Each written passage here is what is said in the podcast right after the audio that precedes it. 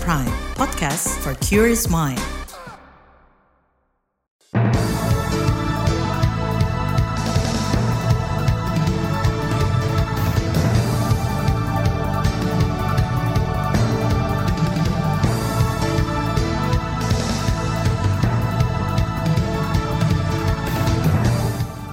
Selamat pagi saudara, senang sekali bisa menyumpai Anda kembali melalui program Buletin Pagi edisi Kamis 21 September 2023. Saya Malika, sejumlah informasi pilihan telah kami siapkan, di antaranya sejumlah provinsi alami krisis air bersih. Komisi Pemilihan Umum KPU mulai persiapkan logistik pemilu 2024, anggaran IKN terrealisasi 22 persen. Inilah Buletin Pagi selengkapnya. Terbaru di Buletin Pagi. Saudara Badan Nasional Penanggulangan Bencana BNPB mencatat bencana kekeringan terjadi hampir merata di Pulau Jawa, Bali, dan Nusa Tenggara. Juru bicara BNPB Abdul Muhari mengatakan kondisi itu juga mengakibatkan sebagian wilayah mengalami krisis air bersih. Meski begitu, menurut Muhari, sampai saat ini belum ada daerah yang meminta bantuan ke pusat untuk mengatasi kesulitan air bersih. Jadi kalau belum ada permohonan bantuan ya artinya harusnya itu bisa ditangani oleh pemerintah kabupaten kota dan pemerintah provinsi. Kita di BNPB melihatnya untuk upaya pembasahan lahan dari sisi teknologi modifikasi cuaca. Saat ini kan untuk Jawa, Bali, Nusa Tenggara itu hari tanpa hujannya sudah lebih dari dua bulan ya. Artinya kan nggak ada awan tuh di atas. Kalau nggak ada awan secara otomatis juga teknologi modifikasi cuaca tidak bisa dilakukan. Juru bicara BNPB Abdul Muhari menambahkan khusus di Pulau Jawa ada puluhan daerah yang melaporkan kekeringan, di antaranya di Jawa Barat sebanyak 13 kabupaten kota, Jawa Tengah tidak kurang dari 18 kabupaten kota, dan Jawa Timur sebanyak 19 kabupaten kota. Salah satu daerah yang mengalami krisis air bersih akibat kekeringan adalah Kabupaten Bekasi, Jawa Barat – Penjabat Bupati Bekasi Dani Ramdan mengatakan krisis air bersih dirasakan puluhan ribu warga. Dani mengklaim telah menyalurkan bantuan air bersih kepada warga. Perhatian yang sangat serius terhadap kondisi kekeringan ini, eh, tepatnya di 9 kecamatan 44 desa yang baik menghadapi kesulitan dari air bersih untuk keperluan sehari-hari maupun beberapa wilayah adalah karena kekeringan untuk wilayah pertanian. Jumlah total warga sudah mencapai 118.679 jiwa yang terdampak atau 37.000 kepala keluarga. Penjabat Bupati Bekasi Dani Ramdan mengatakan pemerintah daerah juga memperpanjang status tanggap darurat bencana kekeringan mulai maksud kami sejak 14 September hingga 27 September 2023. Darurat air bersih juga terjadi di Aceh Barat. Salah seorang warga di Kecamatan Merbau, Melaboh, Kennedy mengatakan krisis air bersih terjadi sejak awal musim kemarau. Ia dan warga sekitar terpaksa menempuh jarak satu kilometer untuk mengakses sumber air bersih. Sulitnya mendapatkan air bersih ini semenjak musim kemarau ini Bu, musim kemarau yang panjang kita warga harus mencari mencari air berjalan kaki, mencari ke sumber-sumber air yang ada di daerah-daerah di kampung kita ini dan jaraknya jauh lagi dari permukiman. Warga di Kecamatan Merbau Melabuh Kennedy mengatakan bantuan air bersih dari pemerintah yang diberikan setiap pekan belum mencukupi kebutuhan seluruh warga yang terdampak. Akibatnya, kata Kennedy, warga saling berebut dan rentan mengalami konflik. Komisi Bidang Lingkungan Hidup DPR RI meminta pemerintah pusat dan daerah menguatkan konsolidasi penanganan krisis air bersih akibat kekeringan. Anggota Komisi Lingkungan Hidup DPR RI Andi Akmal Pasludin mengatakan konsolidasi diperlukan untuk menentukan sikap dan intervensi bantuan apa yang dibutuhkan untuk wilayah terdampak terutama konsolidasi antar kementerian, sektor yang ada dan juga daerah karena daerah kan punya daerah ini kan, punya wilayah kan. Nah, pemerintah pusatnya harus bisa memberikan dukungan anggaran, dukungan perhatian, koordinasi yang kuat sehingga daerah siap untuk menghadapi kekeringan dan mencari alternatif solusi untuk untuk sumber-sumber air baru baik untuk pertanian maupun untuk air minum gitu. Anggota Komisi Lingkungan Hidup di DPR RI Andi Akmal Pasludin mengatakan krisis air bersih merupakan imbas tidak adanya upaya antisipatif dan lemahnya pengawasan. Ia meminta semua pihak di pemerintahan mengatasi krisis air bersih sebagai kewajiban memenuhi kebutuhan dasar masyarakat. Sementara itu lingkungan HID LSM Lingkungan Hidup Walhi Indonesia menyebut krisis air bersih yang terus berulang hampir setiap tahun merupakan dampak dari kebijakan pembangunan pemerintah. Kepala Divisi Kampanye Walhi Nasional Puspa Dewi mengatakan pola pembangunan pemerintah kerap menghilangkan sumber-sumber air bersih warga pembangunan yang dilakukan oleh pemerintah itu banyak kemudian menggunakan air gitu ya, menyedot air yang kemudian itu membatasi akses eh, air bersih kepada rakyat miskin. Kalau kita mau melihat krisis air ini siapa sih yang kemudian paling banyak terdampak ataupun yang sangat kesulitan kita bisa lihat ya eh, bagaimana kemudian rakyat-rakyat kecil yang kemudian dia kesulitan untuk mengakses air bersih. Kepala Divisi Kampanye Walhi Nasional Puspa Dewi mendesak pemerintah segera mengatasi persoalan ini dengan mencukupi kebutuhan air bersih masyarakat terdampak. Dalam jangka panjang, pemerintah diminta melindungi sumber-sumber air bersih dalam setiap kegiatan pembangunan. Saudara ketiga baca pres telah sampaikan gagasan politiknya. Bagaimana analisanya? Informasi akan hadir usai jeda, tetaplah di Buletin Pagi KBR. You're listening to KBR Pride, podcast for curious mind. Enjoy!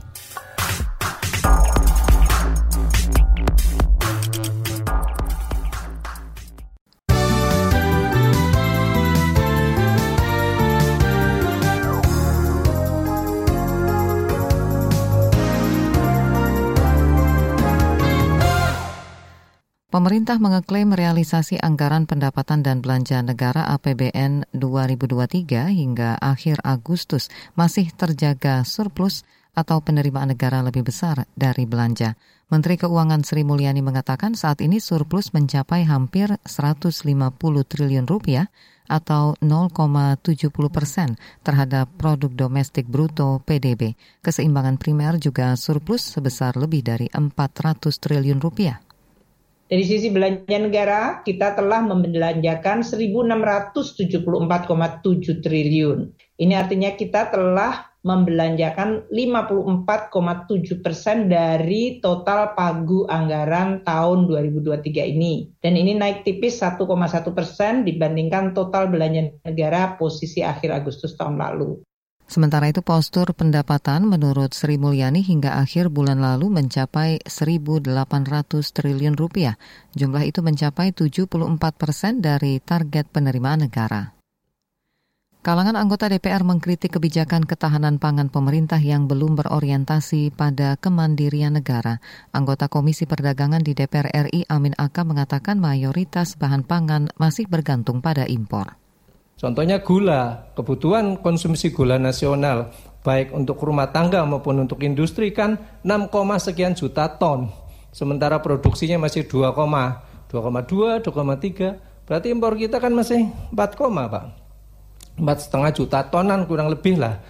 Ya, dan ketika ini terjadi juga pada beras, walaupun data beras ini masih sering polemik antara Kementerian Perdagangan dengan Kementerian uh, Pertanian, ya. Anggota Komisi Perdagangan DPR Amin Aka mengatakan ketergantungan terhadap impor pangan akan beresiko saat negara-negara produsen mulai membatasi ekspor. Sebelumnya, Presiden Joko Widodo mengaku kesulitan mendapat beras impor, sebab saat ini belasan negara sudah membatasi ekspor pangan, termasuk India yang menghentikan ekspor pangan. Beralih ke informasi pemilu. Kabar pemilu. Kabar pemilu. Saudara Komisi Pemilihan Umum KPU RI memastikan telah mempersiapkan logistik pemilu 2024 untuk kebutuhan pemungutan suara baik dalam negeri maupun luar negeri.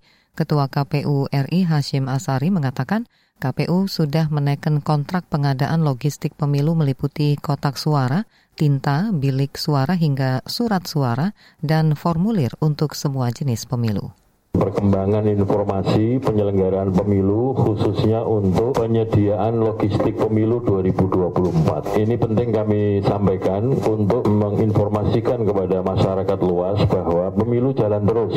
Indikatornya adalah bahwa logistik pemilu, alat perlengkapan kegiatan pemungutan penghitungan suara di TPS sudah disiapkan. Itu tadi Ketua KPU Hashim Asari. Sementara itu Ketua Lembaga Kebijakan Pengadaan Barang Jasa Pemerintah LKPP Hendrar Prihadi mengeklaim kontrak LKPP bersama KPU pada tahap pertama telah mengefisiensi penggunaan anggaran mencapai 40 persen.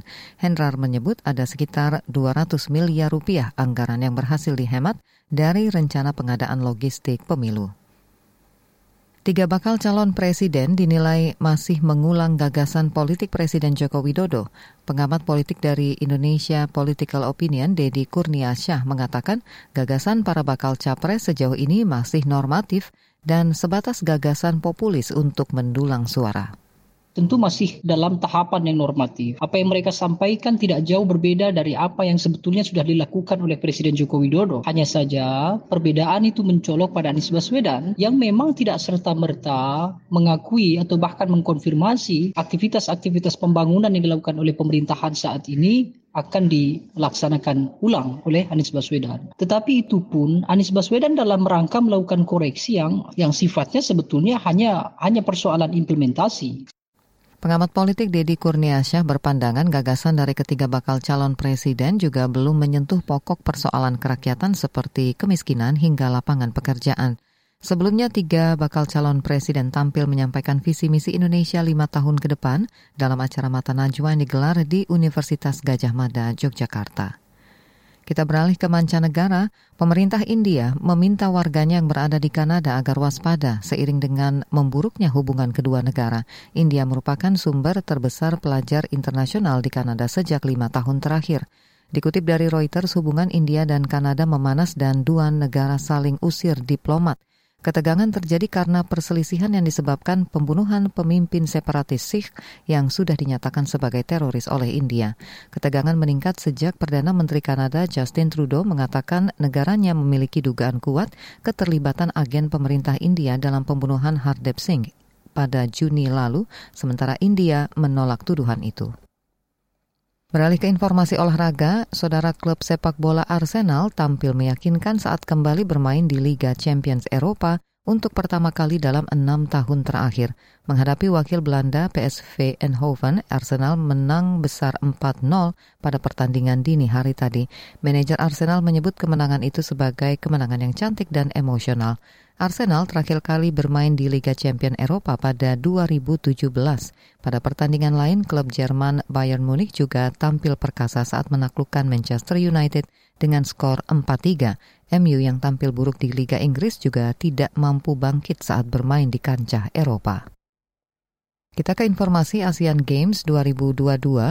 Kontingen Indonesia menargetkan meraih tiga medali emas dari cabang olahraga bulu tangkis pada ajang Asian Games di Hangzhou, Tiongkok. Kepala Bidang Pembinaan dan Prestasi PPPBSI Rioni Mainaki kepada Antara mengatakan ketiga medali emas tersebut diharapkan diperoleh dari tiga nomor, yaitu bergu putra, tunggal putra, dan ganda putra. Target itu lebih tinggi dibanding hasil Asian Games 2018 di Jakarta, Palembang. Di bagian berikutnya akan hadir laporan khas KBR tentang kondisi kebebasan berpendapat di mata tiga bakal calon presiden. Informasinya hadir usai jeda, tetaplah di Buletin Pagi KBR. You're listening to KBR Pride, podcast for curious mind. Enjoy!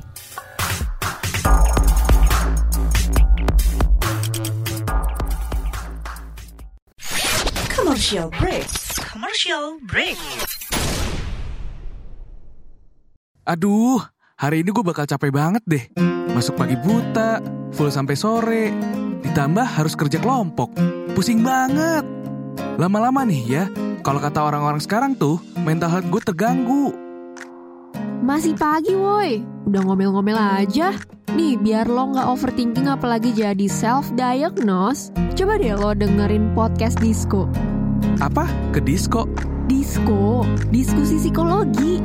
Itu podcast, woi, podcast. Menghadapi kenyataan dunia emang gak mudah. Tapi jangan sampai kesehatan mentalmu terganggu, apalagi sampai self-diagnose. Cus dengerin Disko, diskusi psikologi, persembahan Into the Light Indonesia dan KBR. Disko membahas beragam topik seputar kesehatan mental langsung dari pakarnya.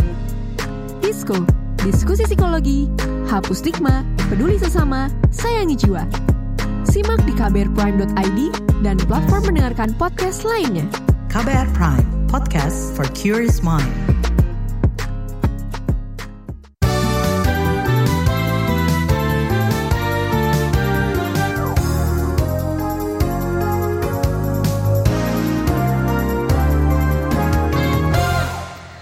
Masih bersama kami di Buletin Pagi KBR. Saudara tiga bakal calon presiden menyampaikan pendapat mereka terkait kondisi terkini kebebasan berpendapat di Indonesia. Pendapat itu disampaikan dalam acara Mata Najwa di Universitas Gajah Mada UGM Yogyakarta. Lalu apa tanggapan mereka serta solusi yang ditawarkan? Kita simak dalam laporan khas KBR disusun Syafira Aurelia. Bakal calon presiden atau baca pres pemilu 2024 Anies Baswedan menilai kondisi kebebasan berpendapat di Indonesia masih jauh dari harapan dan masih bermasalah. Baca pres dari koalisi perubahan ini memberikan skor rendah untuk mengukur situasi kebebasan berpendapat di tanah air. Penjelasan ini disampaikan Anies di acara Mata Najwa yang digelar Universitas Gajah Mada atau UGM bekerja sama dengan narasi kemarin. Jadi menurut saya kebebasan berpendapat hari ini di Indonesia sedang bermasalah. Skor angkanya mungkin sekitar 5 dan 6. Selama kita menulis tentang Indonesia masih harus menggunakan Wakanda, maka skor kita masih rendah. Selama kita masih harus menggunakan nama-nama selain kita sendiri untuk mengungkapkan apa yang menjadi pikiran kita, maka skor kita masih rendah. Jadi sudah tidak boleh lagi ada rasa takut dalam berekspresi. Anies Baswedan menyerukan agar tidak boleh lagi ada rasa takut dalam menyampaikan pendapat atau ekspresi di masa mendatang. Anies mencontohkan jangan sampai ada lagi dosen yang didiskriminasi hanya karena menyampaikan opini. Berbeda dengan Anies Baswedan, bakal capres Ganjar Pranowo justru menilai kondisi kebebasan berpendapat saat ini di Indonesia lebih baik. Menurut Ganjar, kebebasan berpendapat di Indonesia lebih dari cukup karena semua masyarakat dapat menyampaikan isi pikiran dan kritik secara langsung atau media sosial tanpa khawatir diseret ke ranah hukum. Ya, ya. Saya ingin tanya pendapat Anda, berapa nilainya Mas kalau Anda kasih? Kita bicara kebebasan berpendapat. Tujuh setengah. Lebih baik, tujuh setengah. Mbak, saya tiap hari dibully kok mbak. Saya menuntut mereka tidak. Karena paradigma berpikir saya mereka yang meneriaki saya, mereka membuli saya, saya waktu itu sebagai gubernur, mereka sedang memberikan koreksi dan energi buat saya. Tidak saya penjarakan kok. Menurut Ganjar, kritik tetap harus diterima meski disampaikan dengan bentuk yang bagi sebagian kalangan dianggap penghinaan. Senada dengan Ganjar, Prabowo Subianto juga menilai kebebasan berpendapat di Indonesia jauh lebih baik dibandingkan negara-negara lain. Ia menyebut tidak ada larangan bagi masyarakat untuk mengkritik dan memberi masukan atas kinerja pemerintah. Ini saya kira lumayan lah kita, lumayan. Dan ada Indonesia lumayan. Banyak negara tetangga kita menilai kebebasan kita sangat luar biasa. Ya, Lumayan ya Pak. nanti bersama-sama kita bikin yang lebih baik lagi. Ya, jadi eh, yang penting kebebasan berpendapat sangat penting untuk uh, check and balance, untuk mengawasi, untuk mengawasi pejabat, untuk mengawasi penguasa. Prabowo menilai aspirasi atau pendapat masyarakat dapat menjadi bahan evaluasi pemerintah. Meski demikian, ia meminta masyarakat dapat menyampaikan aspirasi dengan memperhatikan norma-norma yang ada. Pernyataan beragam soal kondisi kebebasan berpendapat di Indonesia mendapat kritik dari Lembaga Hikmah dan Kebijakan Publik atau LHKP, pimpinan pusat PP Muhammadiyah. Sebab menurut Ketua LHKP PP Muhammadiyah, Rido Alhamdi, pembungkaman dan penangkapan masyarakat yang menyampaikan kritik bukan kali pertama dilakukan pemerintah. Padahal semestinya pemerintah memiliki tanggung jawab untuk menjamin hak masyarakat dalam menyampaikan pendapat. Ia meminta unsur kekerasan dikurangi terhadap mereka yang mengkritik. Yang menjadi catatan penting pada saat ini adalah pertama demokrasi Indonesia ini buruk dalam hal kebebasan artinya bahwa uh, oposisi atau mereka yang bersuara itu benar-benar dipukul oleh rezim yang apa namanya uh, berkuasa. Mana ada capres cawapres yang berani menunjukkan pertama uh, mereka akan melindungi hak asasi manusia kebebasan warganya. Sebelumnya, data Komisi untuk Orang Hilang dan Korban Tindak Kekerasan atau Kontras mencatat ada 960-an orang ditangkap akibat menyuarakan haknya di ruang publik. Data itu diperoleh dalam periode Januari 2022 hingga Juni 2023 dengan total 183 kasus terkait pelanggaran hak kebebasan berpendapat. Koordinator Kontras Dimas Bagus Arya menyebut polisi menjadi pelaku utama dalam rangkaian peristiwa yang terjadi terkait pelanggaran hak berekspresi. Menurutnya, ancaman kriminalisasi melalui sejumlah pasal dalam Undang-Undang ITE, Undang-Undang KUHP, hingga Undang-Undang Penodaan Agama masih mengintai masyarakat sipil. Ia khawatir hal ini bakal menurunkan kualitas demokrasi Indonesia. Demikian laporan khas KBR yang disusun Syafira Aurelia, saya Astri Yuwanasari. Saudara informasi dari berbagai daerah akan hadir usai jeda. Tetaplah bersama kami di Buletin Pagi KBR. You're listening to KBR Pride, podcast for curious mind. Enjoy!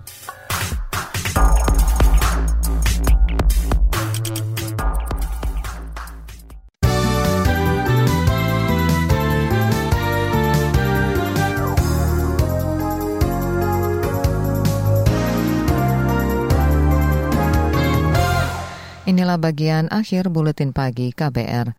Polisi menangkap tersangka kasus penyelundupan ribuan balpres atau karung berisi pakaian bekas impor ilegal di Pelabuhan Malundung, Tarakan. Kapolda Kalimantan Utara Daniel Aditya Jaya mengatakan sebanyak dua ribuan karung pakaian bekas itu diungkap bea cukai setempat dan kemudian setelah dikembangkan berdasarkan penyelidikan dan keterangan para saksi bahwa Balpres sebanyak 17 kontainer tersebut adalah milik tersangka inisial H dan berasal dari Malaysia yang dibawa masuk ke Indonesia dengan cara dibawa dari Malaysia menuju perairan Sungai Nyamuk dengan menggunakan kapal jungkong dan dipindahkan ke speedboat Celebes Jaya di atas perairan Indonesia yang kemudian dibawa menuju pelabuhan perikanan Kota Tarakan untuk disimpan di gudang milik saudara H Kapolda Kalimantan Utara Daniel Aditya Jaya menduga ribuan karung pakaian bekas itu akan dikirim ke Makassar dan Manado Selain menyita pakaian bekas, kepolisian juga menyita barang bukti lain, di antaranya belasan kapal cepat dan uang tunai lebih dari 300 juta rupiah.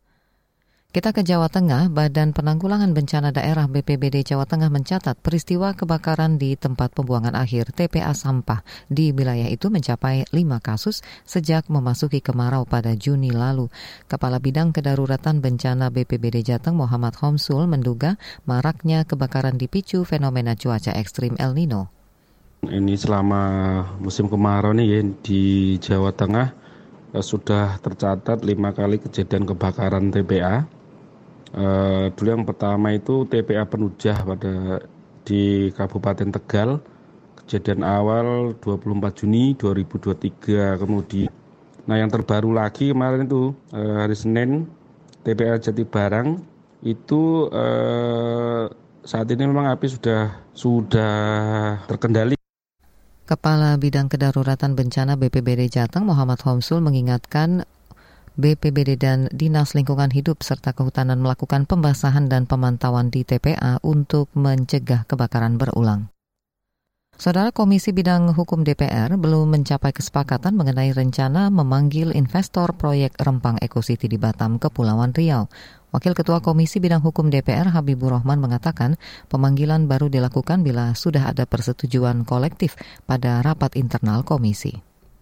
Enggak, belum belum diputuskan. Keputusan di Komisi 3 itu kan harus diputuskan bersama. Ya memanggil itu kan masih kesepakatan komisi, kesepakatan 54 anggota. Nggak bisa satu orang saja, DPR itu kan kolektif keputusannya. Itu tadi Wakil Ketua Komisi Bidang Hukum DPR Habibur Rahman. Sebelumnya rencana pemanggilan investor proyek pengembangan kawasan ekonomi baru Rempang Eco City diungkap Wakil Ketua Komisi Hukum DPR Ahmad Sahroni. Sahroni menyebut pemanggilan itu untuk mengusut dugaan adanya mafia yang bermain di proyek tersebut. Maksud kami di proyek yang termasuk dalam program strategis nasional. Saat ini proyek PSN Rempang Eco City menimbulkan konflik lahan dengan masyarakat di pulau tersebut. Proyek ini bakal berdampak terhadap warga di 16 kampung adat yang menolak direlokasi. Realisasi anggaran untuk pembangunan Ibu Kota Nusantara IKN per Agustus 2023 sudah mencapai hampir 22 persen dari pagu anggaran.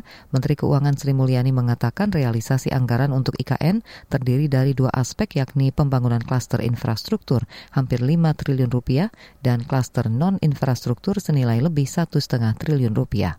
Tahun ini 2023 ada anggaran 29,4 triliun yang baru terrealisir 6,4 triliun dan untuk tahun depan telah disediakan 40,6 triliun untuk mempersiapkan IKN sehingga bisa melakukan kepindahan pada bulan Agustus. Menteri Keuangan Sri Mulyani memaparkan total alokasi anggaran IKN 2022 hingga 2024 mencapai 75 triliun rupiah. Soal pemindahan ibu kota, Presiden Jokowi berkali-kali mengatakan bakal menyelenggarakan upacara kemerdekaan di kawasan IKN Kalimantan Timur pada 2024. Informasi tadi menutup jumpa kita di Buletin Pagi hari ini. Pantau juga informasi terbaru melalui kabar baru, situs kbr.id, Twitter di akun @beritaKBR, serta podcast di kbrprime.id. Akhirnya saya Malika bersama tim yang bertugas undur diri. Salam.